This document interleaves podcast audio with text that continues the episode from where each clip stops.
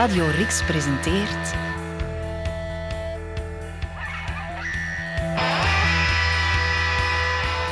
De man die zijn snor in brand stak. Het leven en de taalmuziek van de eenzame chroniqueur van Antwerpen, J.M.H. Berkmans. Aflevering 3, Barakstad.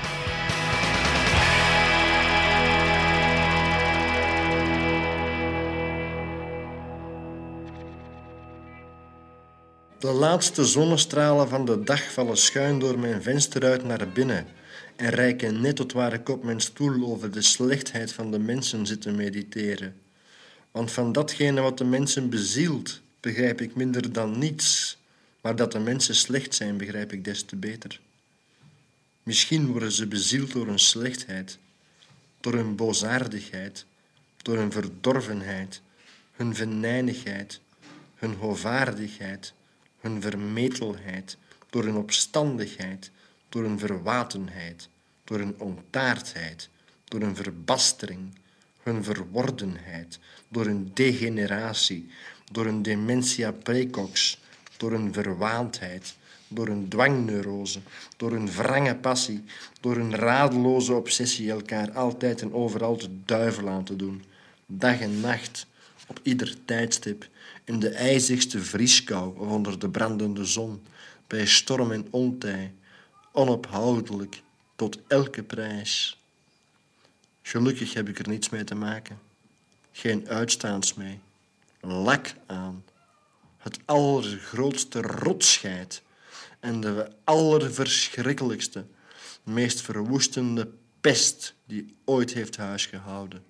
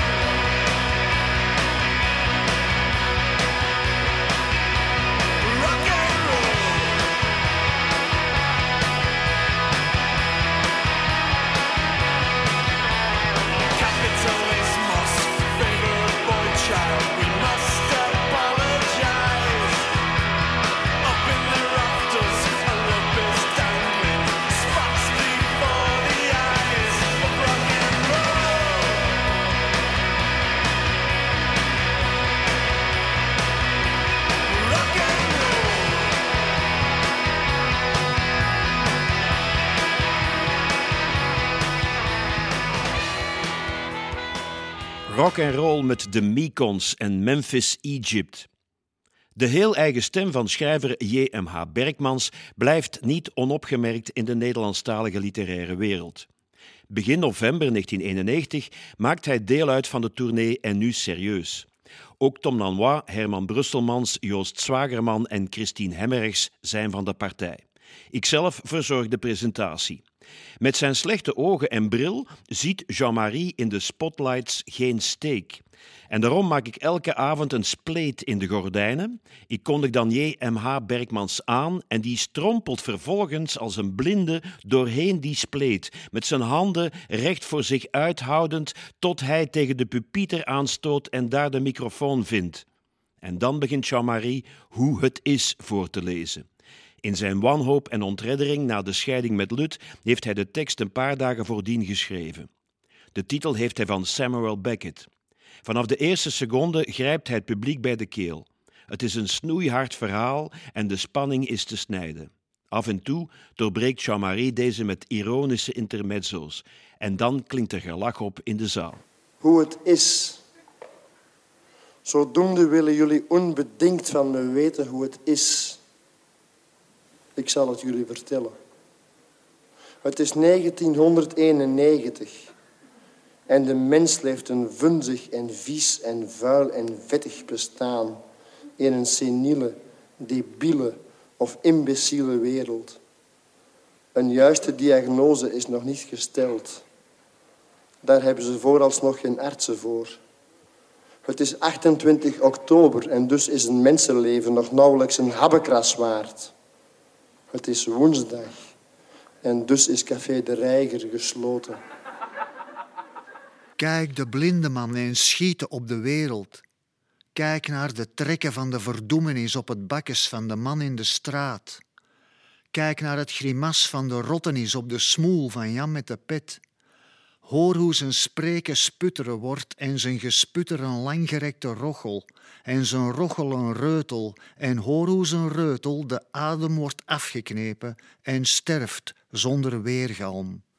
Het is 28 oktober 1991 en alle eenzame kroegen zitten weer vol eenzame mensen. Het is 28 oktober 1991 en alweer is het einde van de tijd niet aangebroken. Het is 28 oktober 1991 en de triomf van het socialisme is nog niet voor vandaag. De dagelijkse verpletterende gang naar de supermarkt. Aanschuiven aan de kassa. De allerdiepste zin van het volle bestaan. De stilte spat open en er kruipen miljoenen en miljoenen strontbruine wormen uit. Ze kruipen dwars door alle muren heen en vreten alles op wat ze vinden op hun weg en verslinden en verteren het. Het lekkerst smaken de mensen. Bij Daihatsu schijnt de zon voor iedereen. En lenen bij mevrouw Leemans is lenen bij een vriendin. Ballisto is je ware aard. Marie, vertel eens, hoe bereid je je voor op zo'n performance als dit? Oh, ik ben eh, op voorhand zit ik eh, ongelooflijk zenuwachtig. Eh, wat ik doe nu tijdens deze tournee is heel laat gaan slapen, heel laat opstaan. Heel de dag op de canapé liggen. En dan mijn tekst nog eens doornemen. En dan, dan komt het moment dat je moet voorlezen. Hè. Ik heb de ongelooflijkste trek die er bestaat. Vlak voor het optreden, maar tijdens het optreden zelf ben ik ijzingwekkend kalm. Heb je bepaalde trucs om met zo'n trak om te springen? Ja, een glaasje wijn op voorhand kan geen kwaad, hè. De lezingen van J.M.H. Berkmans zijn een onmiskenbaar succes. Waar de fictie ophoudt en de realiteit begint, daar heeft het publiek het raden naar.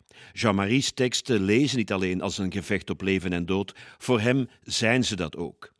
Ja, wat is de metafysische geslagenheid van de mens? Dat is, dat is de, de, de, de, hopeloosheid van het bestaan, wil ik daarmee, bedoel ik daarmee. De hopeloosheid ervan. Er is geen hoop, er is niet de minste hoop op beterschap. Alles is zoals het is. En niet stukken beter, niet stukken mooier, niet stukken interessanter. Maar alles is gewoon zoals het is. En daarom schrijf ik ook een verhaal dat heet Hoe het is. Wel nu, zoals ik het beschrijf in het verhaal Hoe het is, zo is het. Luc Korevits van Behoud de Begeerte beseft al snel dat hij deze schrijver met zijn muffe trui en zijn ruitjeshemd stevig moet omkaderen. Omdat ik zelf in Antwerpen woon, vraagt hij mij Jean-Marie telkens te gaan oppikken. Om er zeker van te zijn dat ik Jean-Marie zal vinden, ga ik meestal ruimschoots op tijd naar de Schulstraat, want daar zijn altijd wel wat praktische problemen op te lossen. Hij wil bijvoorbeeld pas vertrekken als hij met zijn sigarettenmachientje 60 sigaretten heeft gemaakt. Dat duurt een tijd. En s'nachts, na de voorstelling, zet ik hem af bij Café de Raaf. Als ik hem de volgende namiddag oppik, zit hij daar nog steeds. Het lijkt wel of hij niet naar bed is geweest. Onderweg in de auto steekt hij lange monologen af. Hij mist zijn vrouw en hij voelt zich zo onbegrepen. In mijn auto zit een zwaar gekwetste en breekbare man, maar ik heb er veel sympathie voor. We komen allebei uit Leopoldsburg, dat schept een band, daar praten we over. Maar bovenal vind ik J.M.H. Bergmans een geweldig schrijver. Een fragment uit Kadish voor een groene rat zegt genoeg. Het zijn vreemde tijden en het zomert in Barakstad. Ieder sterft zijn dagdagelijkse kleine beetje dood. Sommigen willen sterven zoals Jezus Christus, met een baard en een snor en in een spijkerbroek. Sommigen willen vernederd en vertrapt en luidkeels Eli, Eli, lama sabachthani zingen. Elektrisch en bedolven onder tien ton fuzz. Sommigen willen sterven in een holocaust, naakt en zonder tranen en tot op het bot ontluist. Sommigen willen sterven als een gele hond in de steppen van Schellebelle. Sommigen willen andante en tot in den treuren sterven, als de eerste, de beste onnozelaar. Vermorzeld en verkoold en verkommerd en verzuurd en verbitterd en verkweld en tot knisperend grijs gruis vergaan. Sommigen willen rijmen en dichten en sterven zonder hun gat op te lichten. Sommigen willen sterven met de schok van een scheet op de schaal van Richter en met een grijns van hier tot ginder en van daar naar elders, kriskras dwars door de hele wereldbol heen.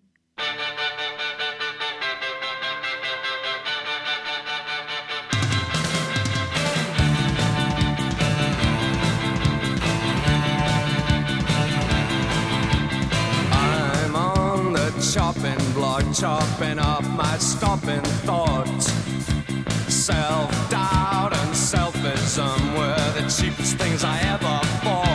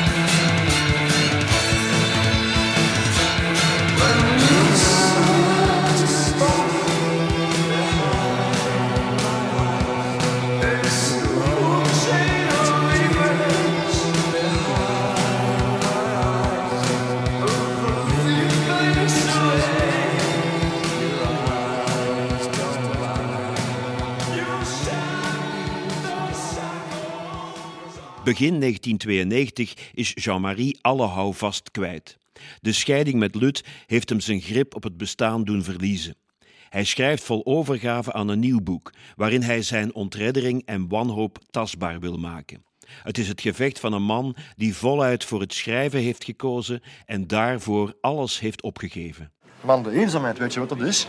Dat is de grootste kanker die er bestaat. Eenzaamheid, daar, ga, daar word je gek van.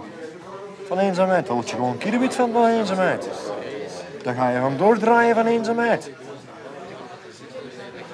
Dat is niet uit te staan. Ik weet ook niet hoe ik dat uithaal. Ik hou dat uit door mijn schrijverij. Daardoor hou ik de eenzaamheid uit. Versta je? Ik hou mijn, ik hou mijn wanhoop uit. Door, door mijn schrijverij. Ik hou mijn angst uit. Door, door, door mijn schrijverij. En weet je welke wanhoop dat dan is? Weet je, weet je over welke wanhoop ik praat? Ik praat over de wanhoop aan het feit dat alles is zoals het is. En niet beter. En niet mooier. En niet stukken interessanter. De beste remedie tegen eenzaamheid is toch iemand te hebben die heel dicht naast je staat. Ja, maar ik heb niemand die heel dicht naast mij staat. Ik had vroeger iemand, maar nu niet meer. Ik heb alleen maar behoefte aan schrijven eigenlijk uiteindelijk. Hè. Dat is het enige waardoor ik uiteindelijk overleef. Dat is mijn schrijverij. Maar is schrijven dan surrogaat voor een vrouw? Schrijven is een surrogaat voor alles wat je niet hebt. En eindelijk, uiteindelijk, als plots aan Ratata een eind zal zijn gekomen, CQ gekomen zal zijn, wat dan? Wie zal dat zeggen? Zal Puntje, na zijn eeuwenoude verroeste odyssee, dwars doorheen savannas en steppen en poestas en verschroeide landerijen, geplunderde akkers, gebrandschatte velden, dan eindelijk bij Paaltje zijn gekomen? Zal Puntje Paaltje dan omarmen, omhelzen, misschien wel kussen, misschien zijn ergste vuur wel blussen? Ach nee. Puntje zal vermorzeld zijn en Paaltje verpletterd.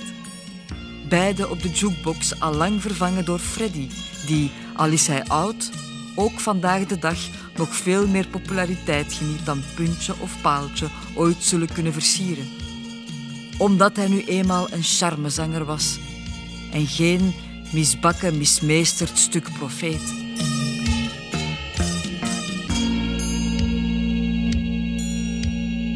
Op 11 maart 1992 trekken Jean-Marie en Camille van Holen naar de UFSIA. Ze zijn uitgenodigd door de literatuurstudenten Geert Beulens en Vital Baken, de latere Vitalski. Diep onder de indruk van J.M.H. Berkmans verdiept Vital zich in diens boeken. Hij is verbijsterd over het donkere, nihilistische universum en over het feit dat deze woest om zich heen trappende existentiële schrijver een uitgever heeft. Met een vriend zoekt hij Jean-Marie op in de Schuldstraat. En die is blij met de bewondering van deze jonge mensen, mensen die zijn weinig gestructureerde levensstijl en totale overgave kunnen volgen. Vooral Vital wordt meegezogen in dit losgeslagen universum. Rockin' records, records, rock the record. Records, the guys rock records.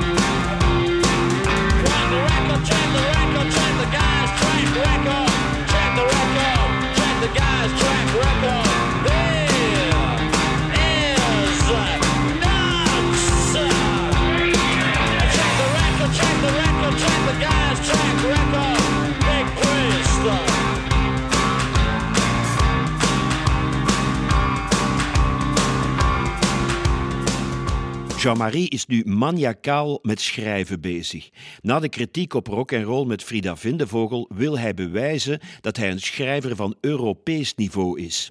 Vital is bij de totstandkoming van het nieuwe boek Het zomert in Barakstad. Jean-Marie gebruikt daarbij een oraal procedé. Hij leest de pas geschreven zinnen hardop voor, vult dan een paar zinnen aan en leest opnieuw de volledige passage. Wanneer hij een fantastisch idee heeft, is hij door het dolle heen. Als ik aan het schrijven ben, luister ik ook voortdurend naar wat ik aan het schrijven ben. Ik vind het klankpatroon en de akoestiek van mijn verhalen zeker even belangrijk als wat erin staat. Een verhaal is voor mij in de eerste plaats niet eens een verbeeldingswereld, maar gewoon een vorm. Vital komt steeds vaker bij Jean-Marie op bezoek. Eén ding wordt Vital al snel duidelijk. De dolende figuren die in Jean-Marie's leefwereld rondlopen, riskeren allemaal in zijn proza op te duiken. Of ze ook blij zijn met de manier waarop ze worden afgebeeld, lijkt Jean-Marie minder te interesseren. Zie hem daar hangen te hangen, want zitten te zitten kunnen dat niet meer noemen. De beukelaar Jean-Pierre. Zat. De zuipschuit van het Zuid is weer zat. Gelijk gisteren en eergisteren en morgen en overmorgen. Maar wat wilt je als je zoveel problemen hebt? Hij zou wat meer contact moeten kunnen hebben. Echt contact. Niet van school en hoe is het en de zon schijnt of het regent. Echt diep menselijk contact. Gelijk met Marie-José. Marie-José is Jean-Pierre zijn nieuwe vriendin. Jean-Marie had gevraagd en hoe heet ze? En Jean-Pierre had gezegd Marie-José. En Jean-Marie had gevraagd en hoe oud is ze? En Jean-Pierre had een foto laten zien. En hij had gezegd, wat denkt je? En Jean-Marie had gezegd, 60, 65. En Jean-Pierre was op zijn dikke teen getrapt, want Marie-José is er maar 38. Atom secret, secret leaflet. Have the boys found the leak yet? Molehill set the wheel in motion. Downfall picks up locomotion.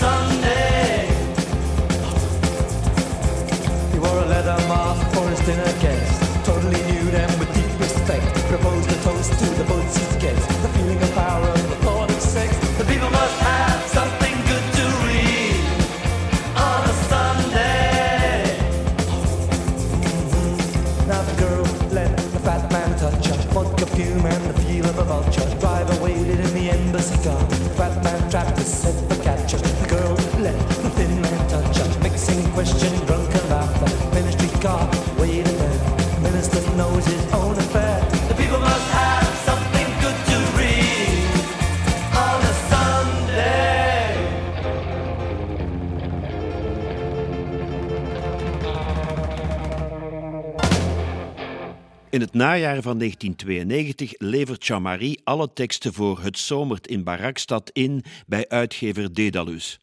Zoals steeds zijn die teksten tot in de kleinste details afgewerkt. Eindredactie komt er niet meer aan te pas. Niemand kan of mag er nog een letter aan veranderen. Zoals zo vaak na het afwerken van een boek begint de schrijfmotor te sputteren om uiteindelijk stil te vallen. Jean-Marie stort zich nu op zijn nieuwe vrienden die hij aan de UFSIA heeft leren kennen. Hij leeft vooral s'nachts. Niet zelden komt hij bij Vital, die op het Antwerpse Zuid woont, aanbellen. Wanneer deze niet snel genoeg uit zijn bed komt, roept hij: Doe open, godverdomme! Zijn nieuwe vrienden hebben ook een woelig en nachtelijk bestaan. Hij vindt er een luisterend oor. Ten einde gedoold het hele straatje van de hopeloze uit, bijna te pletter gelopen op het donkerrode stukje bakstenen muur aan het einde van je steeg. Bijna uitgesnikt en uitgeschuddebold. Zit je een kot in de nacht te wat, te, te wat eigenlijk, te, te wanhopen aan alles, aan alles. En nog wat te twijfelen.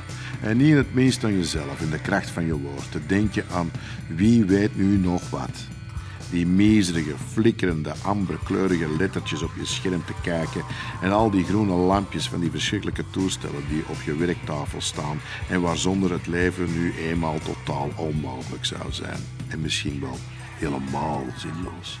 Heden te dagen.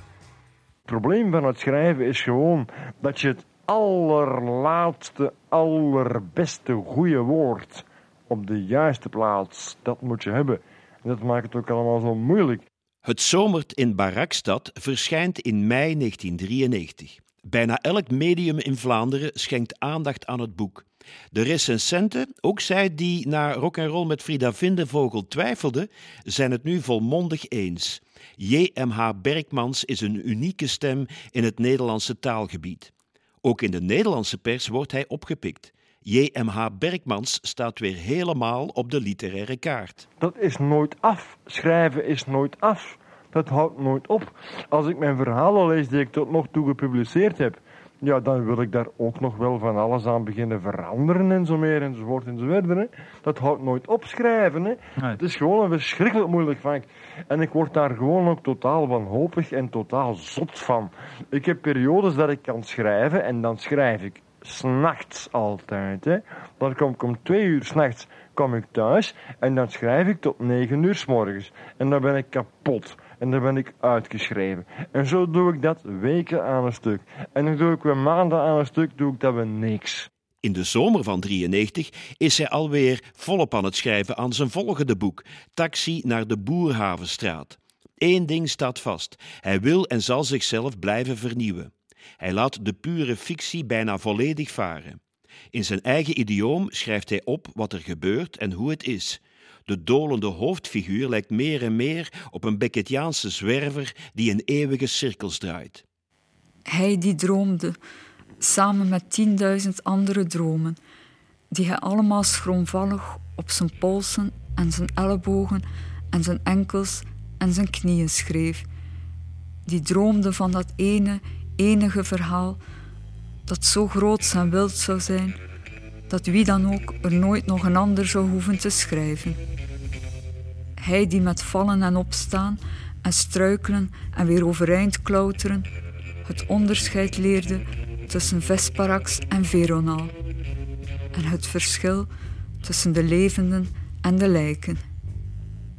Hij die de berg van Loutering beklom en verrukt, vol overgave en uit volle borst het adembenemende panorama van de hele wereld bezong in honderdduizend golden oldies die hij woord voor woord en noot voor noot uit het hoofd had geleerd.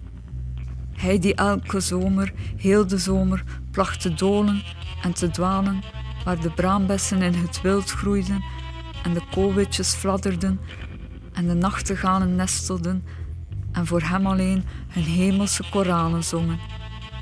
En overal waar hij liep, leek liefde met hem mee te lopen. Hij die dacht dat hij wist waar alle neushoorns neerliggen en slapen gaan. Die dacht dat hij de kroonprins van Barakstad was. De pinball wizards aller pinball wizards. Wat is er van hem geworden? Wat is er van hem gekomen? In de loop van 1993 gaat Jean-Marie's jeugddroom eindelijk in vervulling. Hij wordt een rock en rollende podiumartiest. Zijn jonge vrienden hebben een collectief opgericht onder de naam Circus Bulderdrang. Wanneer ook de broers Philippe en Dominique Ozier op gitaar en bas toetreden, overhalen Vital en Geert Beules hem mee te doen. Al snel begint Jean-Marie liedjesteksten en melodieën voor te stellen. En vanaf eind 93 treedt hij bijna elk weekend op met Circus Bulderdrang. Ze doen zowat elke kroeg, elk zaaltje, elk jeugdhuis in Vlaanderen aan. Het zijn zware jaren van repeteren, toeren, sleuren met versterkers en volledige overgave op het podium. Wauw, ik ben de man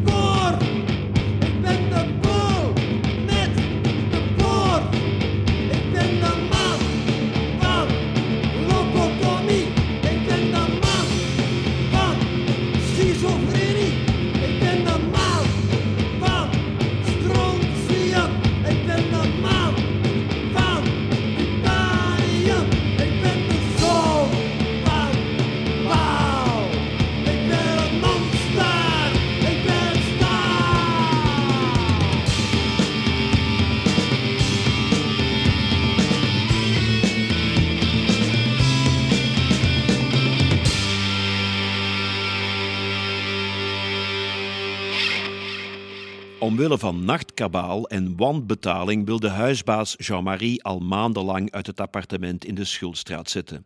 In de winter van 93 is het zover. Jean-Marie laat een schuldenberg aan achterstallige huur en vooral opgeluchte buren achter. Ze zijn de nachtelijke muziek en de wilde bulderdrangfeestjes meer dan beu.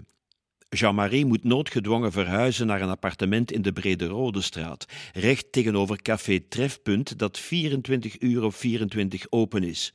Het café zal een belangrijke rol spelen in zijn leven en werk, waarin het wordt omgedoopt tot de hulpkas.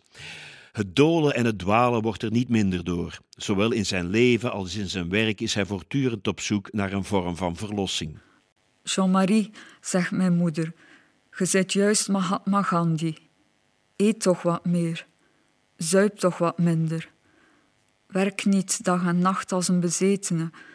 Ga eens op tijd slapen in uw bed in plaats van altijd op die sofa in die versleten slaapzak. Loop niet altijd zo langs de straat en verzorg u wat. Hoe gaat gij nu ooit nog aan een lief geraken als je zo voortdoet? Ze weet niet dat je bijna alles opgegeven hebt. En niet alleen alle hoop op beterschap. En toch schreef ik het uit. Mama, help mij, want ik ben eenzaam en bang. Heer, verlos mij van deze redeloze, radeloze drang. Maar ik ben alle wanhoop nu voorgoed voorbij en schrijf alleen nog maar wat ik denk dat ik schrijven moet.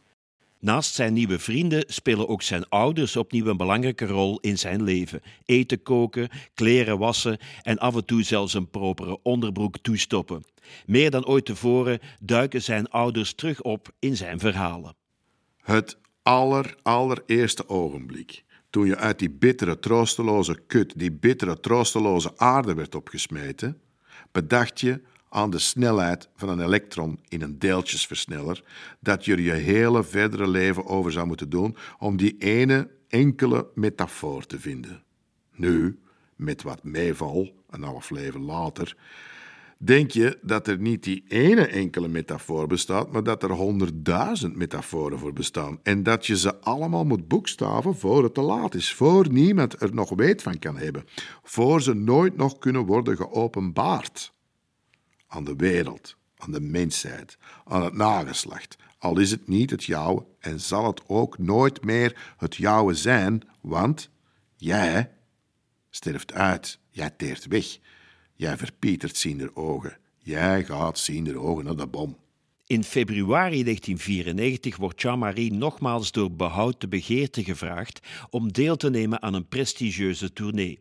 Naast J.H.M.A. Bergmans staan op de affiche van Saint-Amour onder meer Hugo Claus, Pierrot Robier, Luc Gruet, Benno Barnard en Gerard Reven. De Standaard noemt het optreden van J.M.H. Bergmans de revelatie van deze editie. De avonden vinden plaats rond Valentijn en brengen een literair programma rond liefde en begeerte. Jean-Marie's tekstkeuze is op zijn minst opmerkelijk te noemen. Het ene, eerste ogenblik zitten Carla en ik aan de keukentafel te praten, koffie te drinken en naar Purple Rain van Prince te luisteren en is er niets aan de hand. Het volgende, tweede ogenblik, zeg ik, morgen ga ik vissen met Jean-Pierre. Het daaropvolgende, derde ogenblik, springt Carla wild op van haar stoel, stoot haar kop koffie om, werpt de stoel op de grond en begint als een krankzinnige te gillen en te krijsen. Haar gezicht loopt helemaal rood aan en er springen tranen van razernij in haar ogen. Dan begint ze zo hard ze kan met haar gebalde vuisten tegen de houten scheidingswand tussen de keuken en de woonkamer te bonzen. Ze schreeuwt en ze gilt en ze krijst en ze tiert en ze schimt en ze scheldt dat horen en zien vergaan. Voor verrot scheldt ze me. Voor smeerlap en klootzak. Voor onverbeterlijke egoïst. Voor lanterfanter en luilak. Voor varken en zwijn. Voor waardeloos stuk stront. Ze rent door de lege woonkamer en geeft de platendraaier een schop. De naald vliegt krakend en piepend en jankend over de plaat van Prince. Dan trapt ze de glazen deur tussen de woonkamer en het halletje aan delen. En begint de schilderijen in de ingelijste posters van de muren te rukken. En met haar naaldhakker tot rotzooi te vertrappelen. Dan stormt ze opnieuw de keuken binnen en vliegt me naar de keel. Haar vingernagels zijn vlijmscherp en dringen diep in mijn vlees. Ze krabt de huid van mijn gezicht open. Het laatste, vierde ogenblik slaag ik erin haar handen van mijn keel te duwen, met mijn voeten keukentafel van me af te stoten, Carla op de grond te gooien en de hamer te pakken te krijgen. Het allerlaatste, vijfde ogenblik komt de hamer keer na keer op haar schedel neer en spuit er een harde straal bloed uit haar hoofd, als uit een sproeier. Als Carla zwijgt, zeg ik Carla, maar Carla antwoordt niet. Dank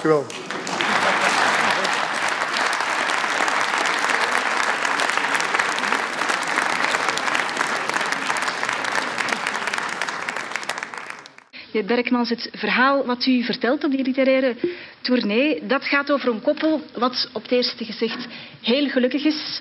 Op het einde van uw verhaal slaan ze elkaar de hersens in. Ehm, wat heeft dat met liefde te maken? Ja, die mensen zijn uiteindelijk dolverliefd op elkaar. Maar Ja, dat blijkt, ja. Ja, maar er gebeurt, er gebeurt iets... eh, plotseling gebeurt er iets verschrikkelijks. Zoals er, mijn, er heel mijn werk door eigenlijk. De meest verschrikkelijke dingen gebeuren op de meest onwaarschijnlijke ogenblikken, versta je? En liefde en eh, dat soort uitspattingen staan- heel dicht bij elkaar voor. Dat kan rustig naast elkaar voor mij staan. Ja, zo extreem is ook de rest van mijn werk meestal. Hè. Dus eh, dat kan voor mij allemaal rustig gaan. Optreden, lezen uit eigen werk, dat is iets wat u wel vaker doet, hè? dat ligt u. Ja, ik zit ook in een cabaretgroep en zo Zelfs? van die zaken. Ja. Ja. We heten Circus Bulderdrang. En wat betekent dat dan? We zijn een literair circus. We, dat zijn u en een aantal andere auteurs ook weer. Aankomende jonge auteurs met veel talent, ja. Ja. Wat zijn dat aankomende jonge auteurs? Hoe oud zijn die? 2, 23, 4, 25 zo. Ja. En u bent zelf een beetje ouder. Ik ben er nu 40.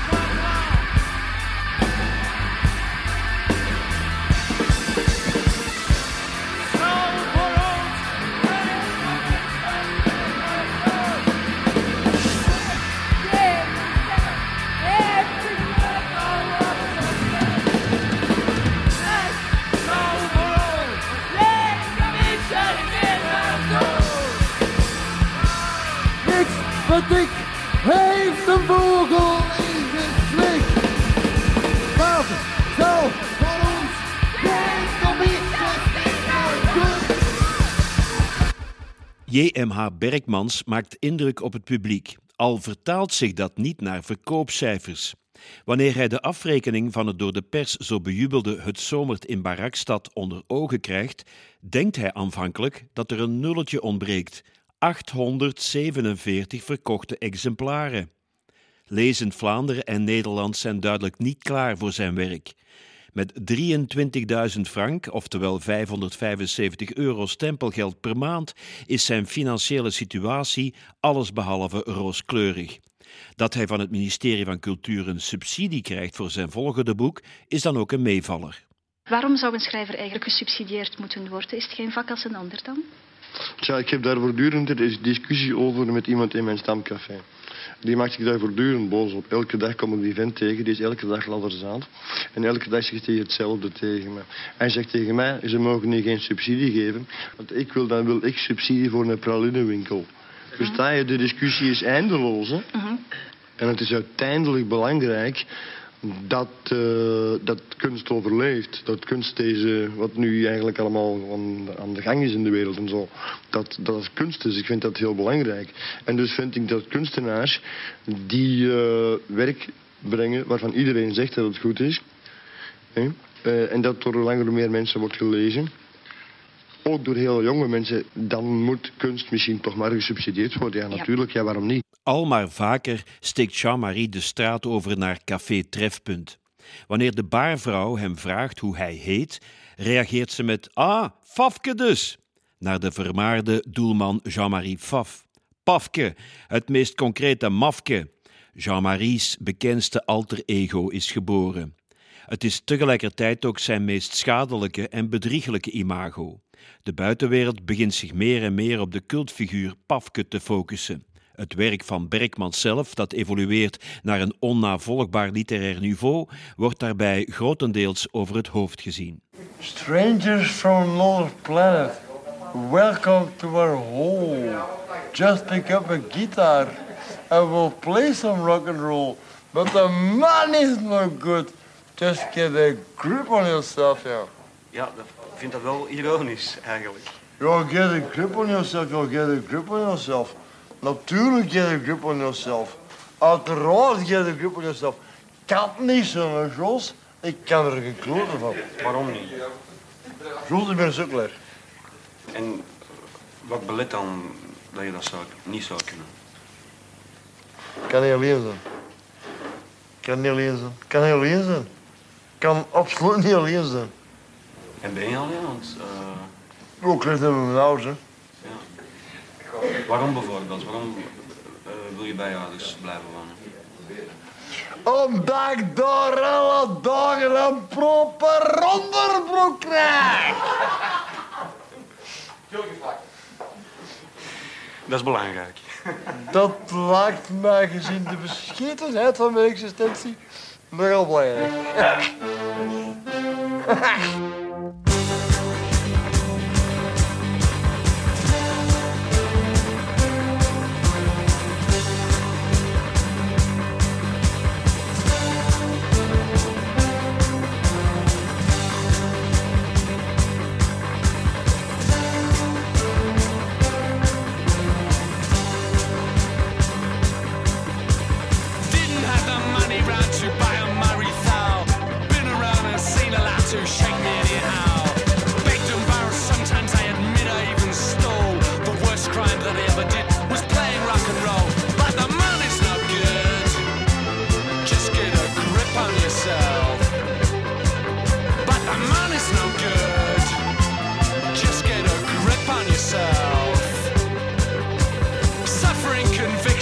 two-way stretch inside. The air in here is pretty thick. I think I'll go outside. Committed for insanity and crimes against the soul. The worst crime that I ever did was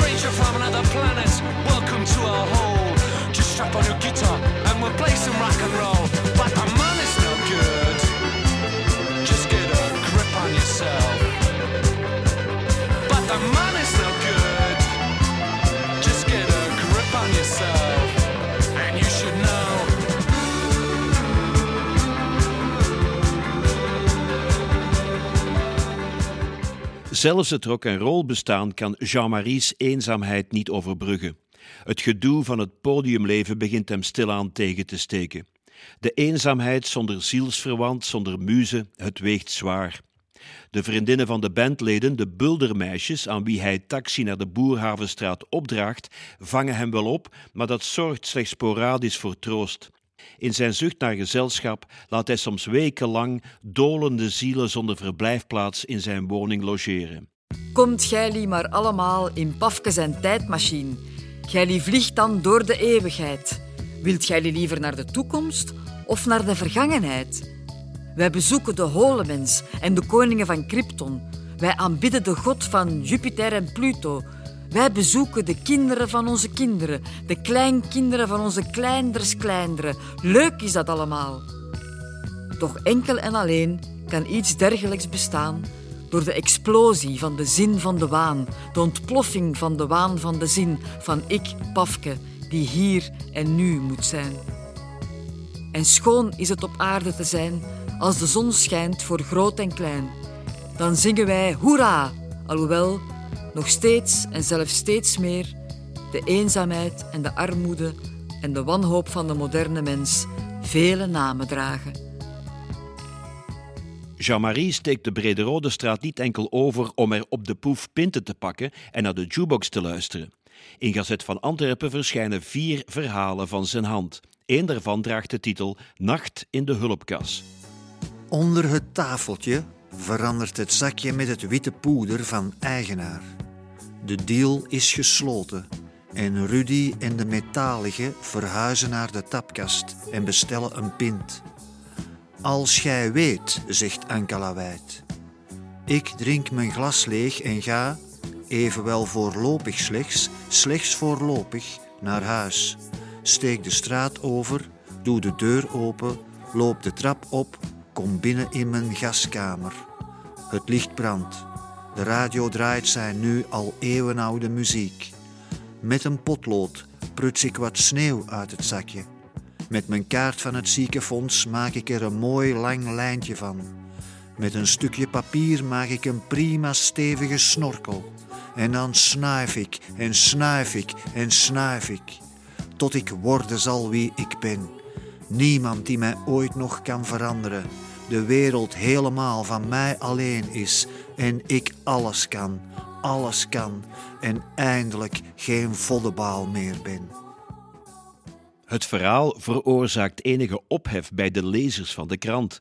De redactie verklaart dan ook dat het verhaal van J.M.H. Berkmans fictie is. Maar voor Jean-Marie is het dat alles behalve. Die zomer draait zijn geest in overdrive. Hij verzeilt in een euforische trance. Op twee maanden tijd, tussen eind augustus en eind oktober 1994, schrijft hij een groot deel van het boek Bericht uit Klein Constantinopel. Verschillende verhalen vloeien in elkaar over. Vaak zijn het apocalyptische visioenen. Er hangt een nachtmerrieachtige sfeer, vooral in de verhalen zoals Doem Doem Doem do Descaden en ook in Als plots aan Ratata een eind zal zijn gekomen. Het zijn twee verhalen die J.M.H. Berkmans zelf tot zijn allerbeste rekent. Dom, dom, dom, dat is kaden. En plots wordt alles waardeloos, betekenisloos, zinloos. Nieuwe regeringen worden onmiddellijk ontbonden en alle bommen ontmanteld. Dom, dom, dom, dat is kaden. En plots wordt de hele aarde een hutsenpruts. Vreemd is dat. De hele wereld wordt een onbegrijpelijke hutsenkluts. Omdat Pafke op de knop geduwd heeft. Dom, dom, dom, dat is kaden. En torenhoge flatgebouwen storten in. Vliegtuigen ontploffen, gigantische bosbranden breken uit. Welhaast kosmische cataclysmen dienen zich aan. Toch staat er alleen maar op de hoek van de Nevsky Prospect een mannetje met een baardje en een brilletje door zijn klakkenbuis, eboniet, pauksiet, graniet, bakkeliet, dom, dom, dom, dat is kadent te fluisteren in de wind, die zijn woorden meeneemt naar alle hoeken van de wereld en er daar kont van doet. Duidelijk mag zijn dat het weer maar eens Pafke is. Bieke staat naast hem te supporteren. In november 1994 ontvlucht Jean-Marie de eenzaamheid van zijn lawaaierige appartement in de Brederode straat. Hij trekt weer in bij zijn ouders in de Lemeestraat. Drie mensen op minder dan 50 vierkante meter. Terug naar af. De volgende jaren zal hij nog maar af en toe in de Turkse buurt van de Brederode straat komen. Hij vermijdt Klein Constantinopel en de uitzichtloze personages van zijn verhalen en café Trefpunt. Gelukkig heeft hij meer om handen bij Circus Bulderdrang. Het gezelschap speelt wekelijks drie keer de show Het Bladgouden Slurfenballet in Theater de Zwarte Comedie. En tegelijkertijd werkt de groep aan een cd. Nog drie jaar lang blijft Jean-Marie bij Circus Bulderdrang, maar dan houdt hij het voor bekeken. In het radioprogramma Levende Lijven kijkt hij naar aanleiding van het laatste optreden terug op deze periode. Het is beter te dansen op het randje van de vulkaan dan nimmer te dansen. Dat was vijf jaar lang het motto van Circus Bulderdrang. Maar na vanavond is de vulkaan gedoofd, dansen afgelopen, het circus sluit de deuren. Bulderdrang was nogthans het enige echte literaire circus in Vlaanderen, in België, wat zeg ik, in de wereld. Literair circus, wat is dat? Is dat eh, acrobatie met, eh, met woorden? het is de, literaire circus. Eigenlijk volgens mij zijn wij gewoon een rock and roll band. Een rock'n'roll band. Ja. Ah ja. Dus die muziek, was dat dan zoiets eh, dat je ah, nog nooit gedaan hebt, Jean-Marie, en dat Nee, zo'n grote was- droom was? het was een, jeugdroom van mij om ooit zanger te worden in een groep en die heb ik gerealiseerd. En nu is dat niet echt afgelopen, maar voorlopig, er is een voorlopig einde aan gekomen, maar ik ga er wel mee door. Ja. Dus, eh, ik ben bezig met heel veel dromen te realiseren trouwens. Hè, en, eh. Alles tegelijk. Nee, Nachtmerries. ja, niet alles tegelijk, maar veel dingen wel en zo. En eh, ik ga er wel- allemaal wel mee door. Ik ga er echt allemaal wel mee door. Zeg, je zit dan in zo'n eh, literaire circus. En in zo'n circus word jij, zo ongeveer de gevoeligste mens van Vlaanderen, opeens de man van staal. Dat moet toch fantastisch zijn, hè? Kan je grotere tegenstelling Ik vinden? vond het een mooie rol om te spelen. Ah, Het is ook niet meer dan een rollenspel natuurlijk. Hè? Ja. Ik bedoel, het is theater. Hè? Het, is niet meer, ik bedoel, theater is niet meer dan een rollenspel natuurlijk. Hè? En wat was dat dan, die ik ben in, mijn boeken, in mijn boeken ben ik ook iets anders. En, en- en in mijn boeken ben ik ook iets anders. Hè? Ja.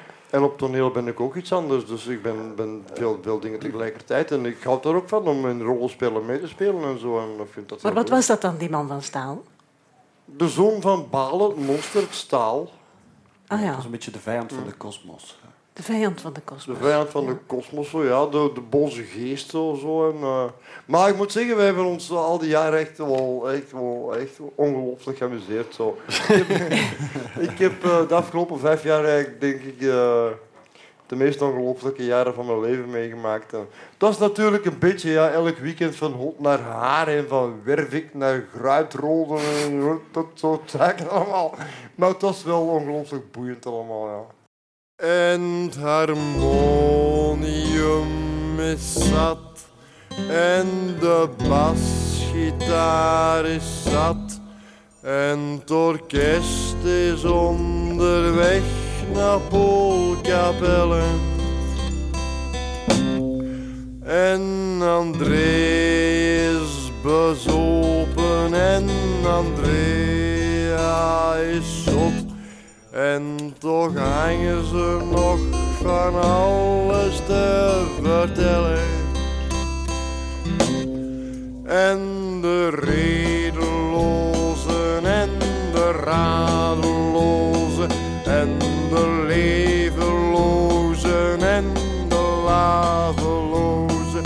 En ze zappen en ze zappen en ze rappen en ze rappen en ze klappen en ze klappen en ze klappen en ze klappen overeind met de zes aan het eind van de reis. Overeind met de zes aan het eind van de reis. 1, 2, 3, 4!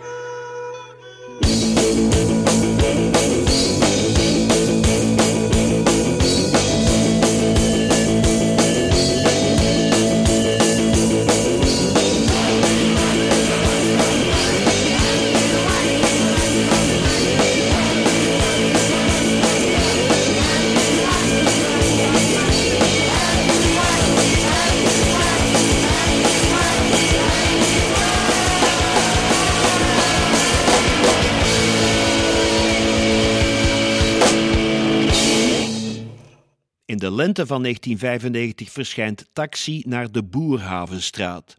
Het boek krijgt aandacht in alle belangrijke Nederlandse kranten en tijdschriften. Ronald Giphart en Rob van Erkelen schrijven lovende recensies in het Parool en de Groene Amsterdammer. Weergaloos, leesbaar, onleesbaar. Hooglied van de hopeloosheid. Deze angry young men herkennen in J.M.H. Berkmans hun eigen literatuuropvatting. Maar de non-believers struikelen over de stront. Het regent stront in Barakstad. Arjan Peters in de Volkskrant. Bezoek de goot met strontschrijver Berkmans. Rob Schouten in Trouw.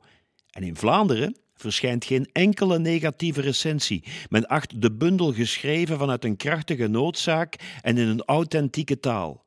Dit overstijgt het illusieloze, drammerige en monomane mensbeeld. Jean-Marie heeft ook al een groot deel van zijn volgende boek, Bericht uit Klein Constantinopel, afgewerkt en is volop bezig aan de tekst De Menagerie van de Schamele Drie. Toneelgroep Compagnie de Koe brengt onder die titel werk van J.M.H. Berkmans op de planken. Het toneelstuk met Peter van den Ede, Frank Fokketijn en Hilde van Mieghem gaat in première op 12 oktober 1995 in CC Berchem. Tijdens een tournee van bijna 50 opvoeringen in België en Nederland oogst de voorstelling lovende recensies. Jean-Marie is vooral gelukkig omdat zijn moeder de première van op de eerste rij heeft meegemaakt. Tegen een vriend van Jean-Marie heeft ze gezegd dat ze het heel goed vond. Zijn vader is niet naar het stuk komen kijken. Ik zeg, pa, ik ben de man van staal. Pa zegt, gij zijt juist niks. Gij zijt een voddenbaal. Ik zeg, ma, ik ben de man van beton. Ma zegt, gij zijt juist niks dan de zoon van Camilla en van Mon. En was uw handen met zeep als ge gedaan hebt met kakken. En waart ge maar ergens anders geboren, onder een ander gesternte.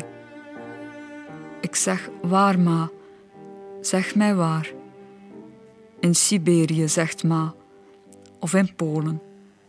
Ergens waar het winter en zomer de stenen uit de grond vriest. Zwijgzaam draag ik mijn ballingschap. Maar mijn ma heeft mij was gedaan toen ik op het punt stond van stank en smeerlapperij te vergaan. Mijn pa heeft zich Lazarus gezopen toen ik van ellende en miserie niet meer wist waar nog gekropen. Nee, pa, geen traan, geen koffielepel van uw godverdomse levertraan. Voor u, o ma, een zee van tranen, bijna een stille oceaan. Want gij hebt mijn was en mijn plas gedaan, toen ik van de rottenis bijna was vergaan. En nu zit ik hier om kwart over middernacht en kan net zo goed naar het zenit als naar het azimuth staren. Bezopen als ik alweer ben. Als straks de dag door de muur van de nacht breekt, kan ik weer een zelfgeschreven liedje zingen. Ik ben de man van goud, gebeiteld en gebouwd, verhit door de smid, gevernist door de alchemist. Een liedje zingen helpt soms, maar meestal niet. Want dan zegt mijn pa: hou nu eindelijk eens uw bakkes toe. En mijn ma was nu eindelijk eens uw handen als ge gedaan hebt met kakken. Want ge zijt een vieze, vuile, vettige, vunzige stinkaart.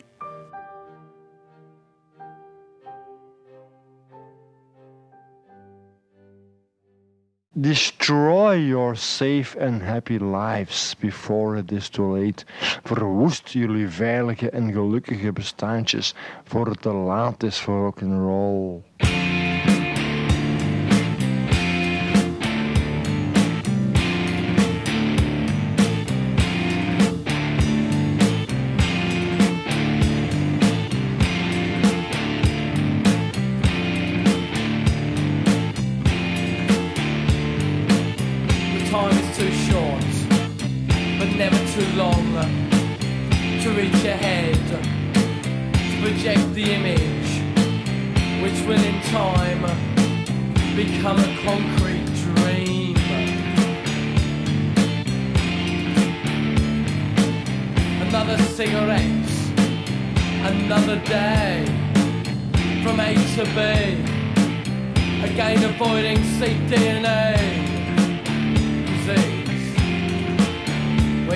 play the blues.